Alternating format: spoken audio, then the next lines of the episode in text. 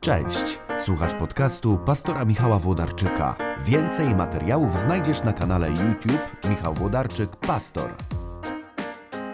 Cześć kochani, wakacyjny vlog to takie pięciominutowe inspiracje, które tutaj wrzucam, żeby e, na początek dnia przeżyć coś inspirującego, inspirującego z Panem Bogiem.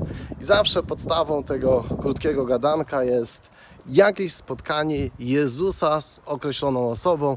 Wierzę też, że to jest taka zachęta, żebyśmy my w podobny sposób spróbowali się z Panem Jezusem spotkać.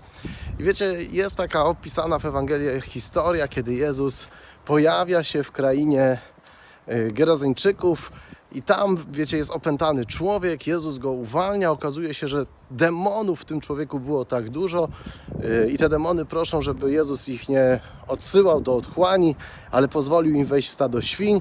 Te demony wchodzą w te stado świń, a świnie jak szalone biegną buchu z urwiska i wszystkie się topią. I teraz dziwna jest ta reakcja. Chcę opowiedzieć dzisiaj o reakcji, o spotkaniu Jezusa z mieszkańcami tej wioski. Dlatego, że ci ludzie przychodzą i mówią, no właśnie, powinni się cieszyć. Wow, po pierwsze mieliśmy opętanego kumpla, który po prostu zachowywał się dziwnie, piana toczyła mu się z ust, zrywał łańcuchy i teraz nagle ten człowiek jest wolny, więc wow, no to jest super, aleluja, cud, powinni zaklaskać w ręce i krzyknąć.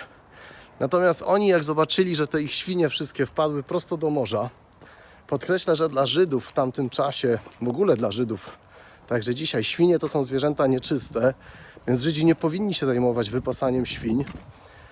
E, natomiast ci się zajmowali. Te świnie wszystkie się, wiecie, wpadły do morza i oni proszą Pana Jezusa, żeby odszedł, żeby po prostu usunął się z ich wioski. Ten cud im przeszkadza. I kiedyś słyszałem właśnie taką, takie fajne pytanie, bo tym ludziom było żal świń, żal świń, które się potopiły i w ogóle nie zważali na to, że, że ich kolega, ich mieszkaniec, ich ziomek jest, jest uratowany. I to pytanie, do którego dzisiaj dążę, a co jest Twoją świnią? Wiecie, to było pytanie zadane w kontekście właśnie tego opisu, że czasami są rzeczy, których żal nam stracić, że kiedy Bóg rzeczywiście wkroczy w nasze życie, kiedy spotkamy się z Jezusem, tak jak ci mieszkańcy, to rzeczywiście rzeczy, które mogą być dla nas ważne, albo są dla nas ważne, a nie powinniśmy się nimi zajmować, boimy się, że stracimy. Więc oni zamiast się cieszyć z uzdrowienia tego opętanego człowieka, oni proszą Jezusa, żeby już więcej cudów tutaj w tym mieście nie dokonywał, żeby już usunął się, że już mają dosyć tej jego interwencji, żeby, odeszli, żeby odszedł do innej wioski, tam uzdrawiał, tam czynił cuda, bo im było najzwyczajniej w świecie żal tych świń. Więc pomyśl może dzisiaj o tym, co jest Twoją świnią.